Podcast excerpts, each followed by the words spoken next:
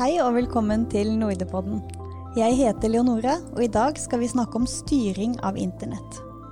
Internett er jo blitt noe vi i dag tar som en selvfølge. Men da det ble bygget opp, ble det gjort en rekke valg om hvilke prinsipper nettet skulle bygges på, og dette er verdivalg. Hvilke prinsipper styrer internett i dag? Hvorfor ble akkurat disse prinsippene valgt? Og for å løfte blikket derfra og frem til i dag, hva skjer med prinsippene når maktbalansen i dag er i ferd med å endres? Vil dette endre internett slik vi kjenner det i dag? Vi i Norsk råd for digital etikk er opptatt av sammenhengen mellom ny teknologi og etikk. Gjennom denne podkasten utforsker vi ulike aspekter ved digitalisering, og hvordan vi kan få teknologien til å bidra til et bedre liv for enkeltindividet og et bedre samfunn å leve i på kort og lang sikt. Og alt dette skal vi bli litt klokere på i dag sammen med Bjørn Svenungsen fra Forsvarets høgskole og Håkon Bergsjø fra Nasjonal sikkerhetsmyndighet. Velkommen. Takk skal du ha. Takk. Aller først, fortell litt om dere selv. Hvordan kom dere inn på området styring av internett?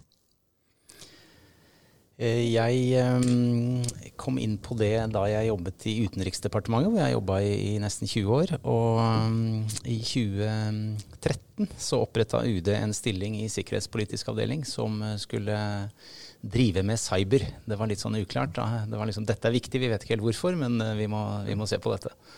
Og så ble det da en, en stilling som ble oppretta på det som, som, jeg begynte i. Og en viktig del av eh, den jobben da, som cyberkoordinator, etter hvert eh, fagdirektør for internasjonal cyberpolitikk, var det vel det sto på, på visittkortet mitt i hvert fall. Um, så en del av den diskusjonen var da dette med styringen, den globale forvaltningen av internett, da, som vi ganske raskt uh, så at var en, en, ikke bare et teknisk tema, men et politisk tema. Eh, som særlig da Russland og USA og Kina var, var dypt uh, engasjert i. da. Og det, det, begynte jeg da å jobbe med, inkludert med, med en del andre ting. Men, eh, og deltok da på en masse konferanser og seminarer rundt omkring i verden.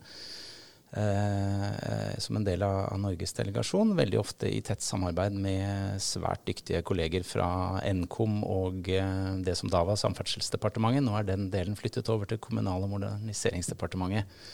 Eh, som jo sitter på den eh, formelle si, myndigheten hva gjelder internettregulering i Norge. Takk, Bjørn. Hva med deg, Håkon? Jeg har jo jobbet med digital sikkerhet i en eh, årrekke. Eh, gitt ut bøker og holdt eh, foredrag. Eh, nå holder jeg på med et prosjekt sammen med folk fra Norsk utenrikspolitisk institutt og, og Forsvarets høgskole med Bjørn her, som vi har kalt Digital utvikling og internasjonale konfliktlinjer. Det handler om hvordan politikk påvirkes av den digitale utvikling, og hvordan den digitale utviklingen påvirker politikken. Det å gå bak hvordan internett egentlig styres, og hvordan de som styrer internett tenker, er en av delprosjektene. Og dette er jo et veldig spennende tema. Det glir jo også mye over i digital etikk, Leonora, og, og er med på å forme hvilke verdier internett blir styrt etter i framtiden. Ja, det gjør det absolutt. Men bare for å begynne med det aller første først. Hva er egentlig internett? Uh, internett er verdens viktigste infrastruktur. Det er altså en, uh, Internett er i bunn og grunn en fysisk infrastruktur um, som består av uh, et sted mellom 40 og 60 000 nettverk, uavhengige nettverk, som alle er koblet sammen på, på ulike måter. Um, som gjør at uh, man kan kommunisere gjennom alle disse nettverkene uh, sømløst. Um, Internett var um, en, en, videreutvikling av et amerikansk forskningsprosjekt tilbake på, på 70-tallet. I 77 så var det en som het Windsurf, som da kom gjennom en protokoll som han kalte for TCP-IP etter hvert. TCP-IP, Som var da en, en, en måte å kommunisere på over nettverkene. Og man, man, regner liksom internettets begynnelse blir ofte liksom regnet som 1983. Var da denne protokollen kom. Um, og i dag så er det altså som sagt uh, titalls tusen av nettverk, og det er kanskje ja, et sted mellom 30 og 40 milliarder enheter som er koblet til alle disse nettverkene, som alle da i teorien kan kommunisere med hverandre. Så altså det er en infrastruktur. Det er ikke mange kaller f.eks. weben, World Wide Web, for internett. Det er det altså ikke. Web er én av mange måter å kommunisere på over internett. Og, og hvem er det egentlig som administrerer dette nettet? Arbeidsdefinisjonen for hvem som egentlig styrer dette, er jo eh, litt vag. Eh, den ble lagd altså av FNs forum for, for, styring av internett, som de kalte for The World Summit of eh, Information Society.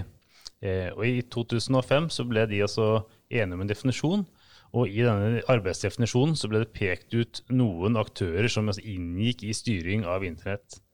Det var da regjeringer, privat sektor og sivilsamfunnet som de viktigste aktørene. Det er relativt vag inndelt. Eh, og i dag er altså da det teknisk-akademiske miljøet sett på som den fjerde sentrale eh, aktøren i dette her. Eh, alle aktørene opererer i sine respektive roller, noe som betyr at de ikke kan erstatte hverandre, men de må, må jobbe hånd i hånd. Så det er egentlig ikke noe som heter styring av internett. Det gjøres da gjennom dialog. og Vi skal komme litt tilbake til ulike aktørene og sammensetningene gjennom dialogen i dag. Ja, for det er jo et veldig interessant spørsmål. Og, og man kan jo lure på hva var det som gjorde at det ble akkurat på denne måten? Hvorfor ble internett sånn som det er blitt? Bjørn? Vel, altså, eh, det var jo Som jeg var inne på, så var jo Internett først et, et, fors, et forskningsprosjekt, et amerikansk forskningsprosjekt, eh, finansiert av Pentagon, det amerikanske forsvarsdepartementet. Men når da disse protokollene kom i 83, som jeg nevnte, så fikk, eh, så fikk Grunnen til at Pentagon finansierte det her, det var fordi de ville ha et sømløst kommunikasjonssystem som en alle våpengrenene kunne benytte, uavhengig av infrastruktur. Og det fikk de jo med denne TCP-IPS. Det var jo en, en, revolusjon i måten å kommunisere på. Eh, men da de fikk dette, så trakk i stor grad Pentagon seg litt tilbake fra den videre utviklinga av internett. Eh, fordi, og konsentrerte seg om militære systemer, militære nettverk osv. Uh, og det gjorde sitt til at den sivile delen av internett, som da allerede var i, i god gang, bl.a. gjennom National Research Foundation i USA, som etablerte et sånt backbone network i, i USA. Uh, og så må vi huske på at aller først så var det, altså, det var fire universiteter som var koblet sammen. Det var hovedgrunnen til at dette første, aller første nettverket kom, da, som het ARPANET. Ja, det er utrolig gøy å tenke på at Norge var så tidlig ute. Ja, ikke sant. Og um, Eh, men, men, hvorfor det ble som det blitt, det var, det var altså da, da, Forsvaret på mange måter trakk seg tilbake, så var det sivile og særlig akademiske institusjoner som, som drev det her videre. Eh, og da fikk man en, eh, en, eh, en forvaltningsmodell som var eh, i høy grad styrt av teknikere og av akademia og av enkeltpersoner og adhocgrupperinger uten noe klare eller formelle mandat. Eh, som på en måte hvor tanken var at det skulle fungere. Nettverket skulle funke, og det skulle være åpent og det skulle være transparent. Tim Berners-Lee, f.eks., som, som lagde World Wide Web i, i 1991, han la jo ut kodene sine helt åpent. Han kunne jo blitt søkkrik på å skjule de kodene, men han la det altså, ga det åpent ut og mente alle, alle skulle gjøre dette. Dette med transparency var liksom veldig åpent. Samtidig så var denne, denne gjengen som uh, eh, utvikla det her, det var i stor grad uh, i California det her eh, skjedde. De var uh, inspirert av sånne hva skal jeg si, hippie-inspirerte verdier. ikke sant? Veldig sånn dette med frihet og mistro til autoriteter og individuell selvregulering osv. Verdier som sto sterkt. da. Så på mange måter så er det en sånn verdibasert greie i bunnen her. Um, og det prega da på en måte de, de forvaltningsstrukturene som, som utvikla seg. Um, og det, da var det disse fire prinsippene med, med um, åpenhet, frihet, sikkerhet og stabilitet. Det var liksom det som skulle ligge til grunn for, for at internett skulle, skulle fungere. Um, og så har det endret seg litt da, fra å være en primært teknisk greie med kanskje litt politiske innslag, til å bli en politisk greie med litt tekniske innslag, for å si det sånn. Og var det noen spesielle dilemmaer med at det var akkurat disse fire prinsippene som ble så viktige? Um, ja, du kan si um, Dilemmaene har kommet etter hvert. Da internett ble startet og på en måte rulla ut i, i, verden, så var jo særlig, særlig på 70- og, første delen av 80-tallet, så ga det jo mening å ha, det, altså, å ha det på den måten her. Det viktigste var å få pakkene, da, for dette er informasjon som pakkes. Um, og du kan sende det hvor som helst. Jon Bing, som, som, eh, dessverre er død, som eh, på Universitetet i Oslo, han hadde en fantastisk sammenligning hvor han sammenlignet disse TCP-IP-protokollene med sånne containere, altså shipping-containere, som kan pakkes med hva som helst. og sendes hvor som helst. Så lenge de er riktig merket, eh, så vil de komme fram. Uavhengig av hva slags infrastruktur de sendes med, om det er skip eller tog eller fly eller hva det måtte være. Og litt sånn er det med TCP-IP òg, at de kan sendes via enhver infrastruktur. Um, men eh, det var liksom det å få sendingene trygt fram som var det viktigste. Det å identifisere avsender eller innhold, det ble via mindre, mindre betydning, da allerede da de utvikla ARPANET, så var det her et tema. Det var eh, en ingeniør f.eks. som, som eh, oppdaget dette. At de gikk jo inn og Hei, hei, karer. Hvis noen klarer å komme seg inn i én computer, så er de inne i hele nettverket. Og, så, og tar opp det her da, i, et eget notat i, i, for ARPA sin forskningssjef. Um, som svarer noe sånt som at uh, det blir som å sammenligne altså Da Wright-brødrene utviklet flyet. Det blir som å kreve at den aller første flyvningen skal være liksom 50 miles og ha med 20 passasjerer. Vi har mer enn nok med å få til å virke. Sikkerhet må komme i, i andre rekke. Og den gang ga det på en måte mening, da, men så har det jo som sagt blitt så viktig at i dag så, så, det, så, så representerer det en slags innebygd sårbarhet da, i, i, den grunnleggende internettarkitekturen. Mm. Og det er jo ditt felt, Håkon. Innebygde sårbarheter. Vi kan jo si at internett først ble da styrt av dette tekniske regimet. Det var jo en, en gjeng teknikere mer eller mindre satt sammen i denne ARPA-gruppen, og litt sånn frie eh, forskere. Eh, deretter forsøk på institusjonalisering av, altså av, denne selvstyringen. Og til slutt er det nå som forsøk på å få en form for global styring. Eh, fra, no, fra noen aktører, vel å merke. Det begynte jo med da denne, The Internet Engineering Task Force, som fungerte som en sånn standardiseringsorgan fra, fra 80-tallet til, til, midten av 1990-tallet. Nå var altså en teknisk institusjon. Eh, de besto altså av akademikere, teknikere, med en veldig pragmatisk tilnærming. Eh, det var generelt eh, lite stemning for formelle beslutningstaking. Og som han David Clark sa det, en av pionerene innen internett, vi avviser konger, presidenter og avstemning. Og så kommer kanskje det viktigste. Eh, vi tror på grov konsensus og kjørbar kode. Så her skulle det altså være eh, enighet, grov enighet, uten at alle nødvendigvis ble hørt, og det skulle være altså kode som virket. Og I dag har man et, et internett som, som virker akkurat sånn det skal. Men uh, hvordan ble denne modellen oppfattet etter hvert? Dette er jo en, uh, som du var inne på, Bjørn, en hippiemodell. Uh, styrt på noen prinsipper og hvor noen hensyn, sånn som sikkerhet, ble bare utsatt. hva har det gjort med internett som vi kjenner det i dag? Hvilke ulemper og fordeler ser dere der? Etter hvert som internett fikk betydning utover altså de akademiske miljøene, eh, så ble Internet Engineering Task Force eh, sin rolle i økende grad tatt over av eh, et, et, annet organ som egentlig i dag er et av de viktigste. Og det er altså Internet Corporation for Assigned Numbers and Names and Numbers, ICANN. Og De hadde altså en kontrakt med den amerikanske regjeringen for å koordinere sentrale tekniske spørsmål på internett. Og Det er særlig denne kontrakten som den amerikanske regjeringen hadde, eh, som er blitt kritisert. Altså Dette ga jo i praksis den amerikanske regjeringen kontroll over internett. Eh, det at ICAN har en sånn styringskapasitet over internett, og den privilegerte rollen har hatt, det er jo det er der alle diskusjonene har stått. Regjeringer over hele verden er jo klar over innflytelsen USA har på nettet, uten at de har klart å gjøre noe med det. Eh, og de vil kunne føle at deres suverenitet er krenket i, i en, når de gjerne vil ha kontroll på sitt eget nett. Nå er det jo slik at USA har gjort eh, ICAN til en, en stiftelse, så de har jo for så vidt svart på noe av den kritikken. Eh, og som altså, republikanerne så fint sa det, eh, Obama ga bort internett. Og det har de ikke tenkt å glemme. Ja, Hva sier du, Bjørn? Jo, jo, det er jo helt riktig som Håkon sier. Og, og det som er eh, si, det viktige med, at, med ICAN, det er ikke nødvendigvis stiftelsen, men det er at de har denne såkalte IANA-funksjonen, som, som, som, er altså funksjonen å administrere internetts rotfiler.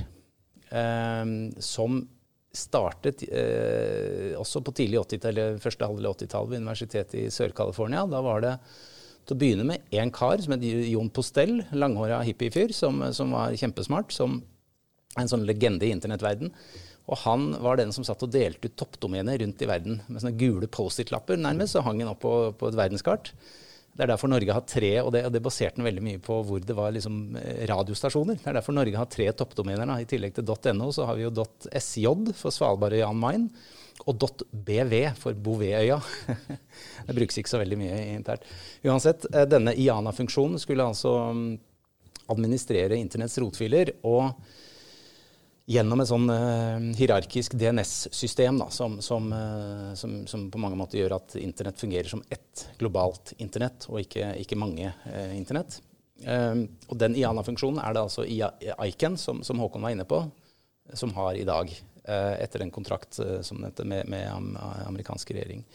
Og det ble jo også veldig veldig kritisert fram til da 2016, hvor Obama ga, i gåsøgne ga bort internett, som republikanerne, noen republikanere, mer sånn Tea Party-gjengen av republikanerne, sier. da. Um, um, men um, du kan si den, den form, Det hadde ikke all verdens praktisk betydning, tror jeg. Fordi du har jo I dag så har altså internett 13 IP-adresser som er linka til rotserverne. Du har over 600 rotservere rundt i verden i dag, men alle er kobla til 13 IP-adresser. Som var de opprinnelige 13 rotserverne, som alle sammen var plassert i USA eller hos en av deres nærme venner eller allierte. Og det var en, en uh, bekymring da, for særlig Russland, og etter hvert også Kina. Ja, Si litt mer om det. Bekymringene og kritikken som har kommet fra særlig Russland og Kina. da.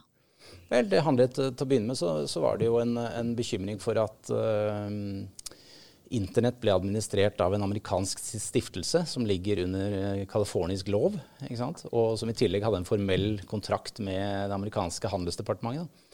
Uh, etter, etter, at Obama da på en måte frigjorde denne IANA-funksjonen gjennom ICAN i 2016, så har nok akkurat den kritikken blitt mildna, men men det har ikke fjerna den bekymringen hos, hos verken kinesere eller russere om at eh, USA i en gitt situasjon kan manipulere rotfilene i internett, da, som, som, går eh, via deres eh, territorium, ikke minst. Og som fortsatt ligger da i USA eller allierte land? Nei, det er ikke helt riktig. fordi som sagt, det over, det, nå finnes det over altså Det er disse 13 grunn, første rotserverne, men så har du altså, jeg tror det er over 600 nå, såkalt speilservere, som er plassert over hele verden. Uh, og, uh, og, det har med liksom last og hastighet å gjøre, at det skal gå mye raskere å respondere på, på forespørsler. da.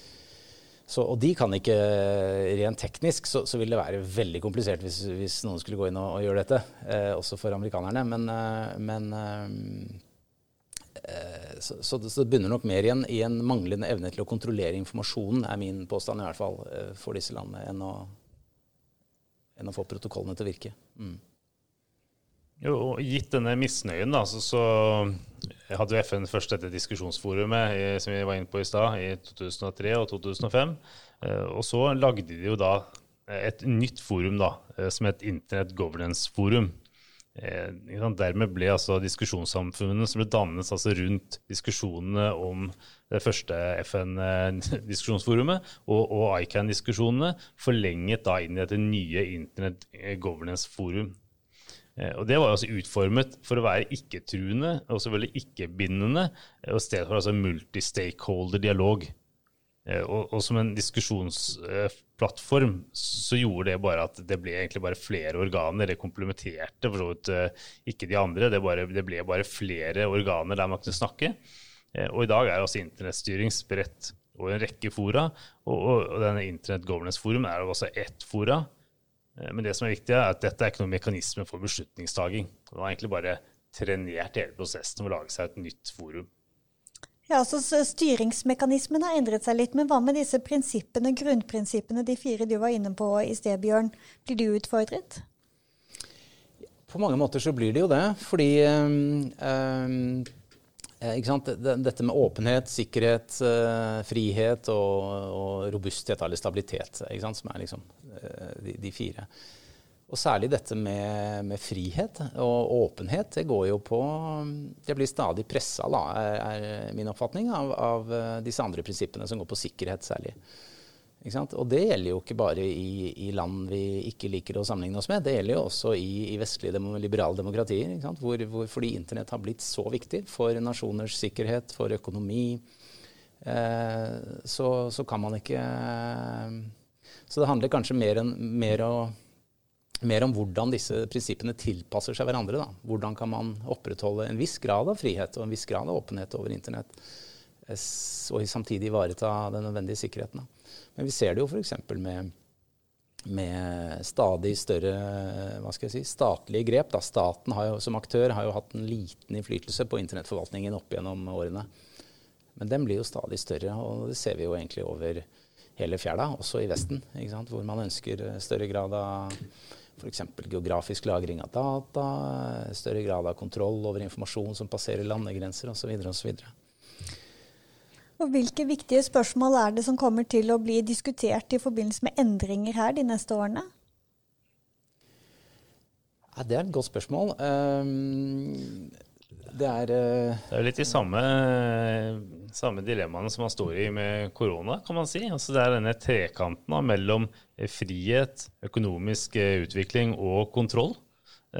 Jo mer du slipper opp på den, eller mer du tighter inn på kontrollen, jo mindre frihet får du, og mindre kanskje økonomisk utvikling får du. Uh, men på den annen side, mer frihet kan gi altså ustabilitet i en del andre regimer. Så her må hele tida balansere disse tre, frihet, økonomi og kontroll, eh, sammen. Og, og, nå er det jo dessuten blitt flere. Styringen er blitt mer kompleks, for det er flere aktører som hiver seg på, på ballen. Altså Fra at det var disse Internet Governance Forum og liksom noen av disse her, så har nå også G20-møte, G7-møte, World Trade Organization, alle disse store foraene har nå eh, dette som et tema eh, når de snakkes. Og da blir det jo mange aktører som skal begynne å mene noe om dette her, eh, og mange arenaer. Så, så, det er jo veldig fascinerende at internett egentlig fungerer så godt som det gjør, for det gjør det faktisk. Mm. Og, og, hvordan går det med statene oppi denne raske og komplekse utviklingen? Vel, altså um, statens, altså staten som aktør sin, sin rolle i global internettforvaltning tror jeg vi kommer til, kommer til å bli styrket altså, i, i, tiden framover. I dag så har du jo i denne ICAN-modellen som, som, eh, Håkon var inne på i stad, som er en sånn multi-stakeholder-modell, så er staten én av veldig mange stakeholders. da. Og de har et, på en måte, Det er sånn, eh, nesten morsomt å se dette organogrammet over, over ICAN, hvor noe som heter GAC, Governmental Advisory Committee, på en måte representerer alle verdens regjeringer. Og de er likestilt med liksom, ITF og en hel masse andre organisasjoner. Uh, og det er nok uh, uh, ikke nødvendigvis der vi kommer til å være i fremtiden, tror jeg. Fordi um, ikke minst Kina, som har, har, ambisjoner, uttalte ambisjoner om å bli en, bli en digital supermakt, og er i ferd med å bli det og har ambisjoner om det. De har kapasitet og de har evne til å, til å bli det. Um, de har en helt annen forestilling om, om uh, hvordan internett skal forvaltes. Altså, hvor de har dette prinsippet om cybersuverenitet, som de kaller det. Da, hvor, hvor uh, det er en del andre prinsipper som ligger til grunn for, hva, for hvordan internett skal forvaltes, enn en disse fire uh, jeg, prinsippene jeg var inne på i stad. Og hvilke prinsipper er det som Kina ønsker å heve frem? Vel, Det handler i bunn og grunn om at staten skal ha full kontroll. Uh, cybersuverenitet for dem er, uh, betyr at all informasjon som flyter i nettverkene på innsiden av de liksom, geografiske, territorielle grensene, det er det staten som skal ha, kunne kontrollere.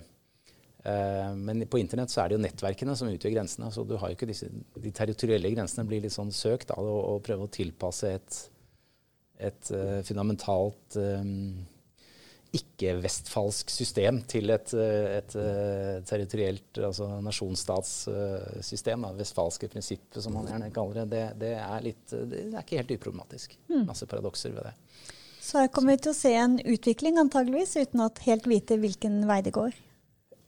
Jeg, jeg tror det. Vi vet ikke helt hvilken vei det går, men jeg tror nok vi kommer til å gå mer og mer i retning av um, uh, Hva skal jeg si? En, jeg vil ikke, vil ikke, gå så langt som å si en kinesisk modell, men i hvert fall i mer og mer i retning av en uh, økt statlig kontroll da, på bekostning av en del andre prinsipper. Og, og det forsterkes jo av en hel masse andre utviklinger også, som ikke nødvendigvis er kobla til internett, om hvordan særlig Kina er i ferd med å, med å en, endre på en måte hele den geografiske The global order, hvis du vil. Og, og det ser vi jo på internett òg. Liksom, Internetts geografi endrer seg østover. Mm. Mm. Her i Norge når vi snakker om uh, mer myndighetskontroll, så er det jo gjerne det demokratiske vi etterlyser. Men da skjønner jeg på deg at det er ikke nødvendigvis den veien det dras i akkurat nå. Nei, jeg, jeg, vet ikke om Håkon har lyst til å kommentere. Det er, men, det er som du sier, altså Statene vil gjerne ha kontroll selv. Eh, de vil ha den samme kontrollen på nett som de har i det fysiske rom. Og, og stater står litt i den nå eh, følelsen av å ikke ha kontroll.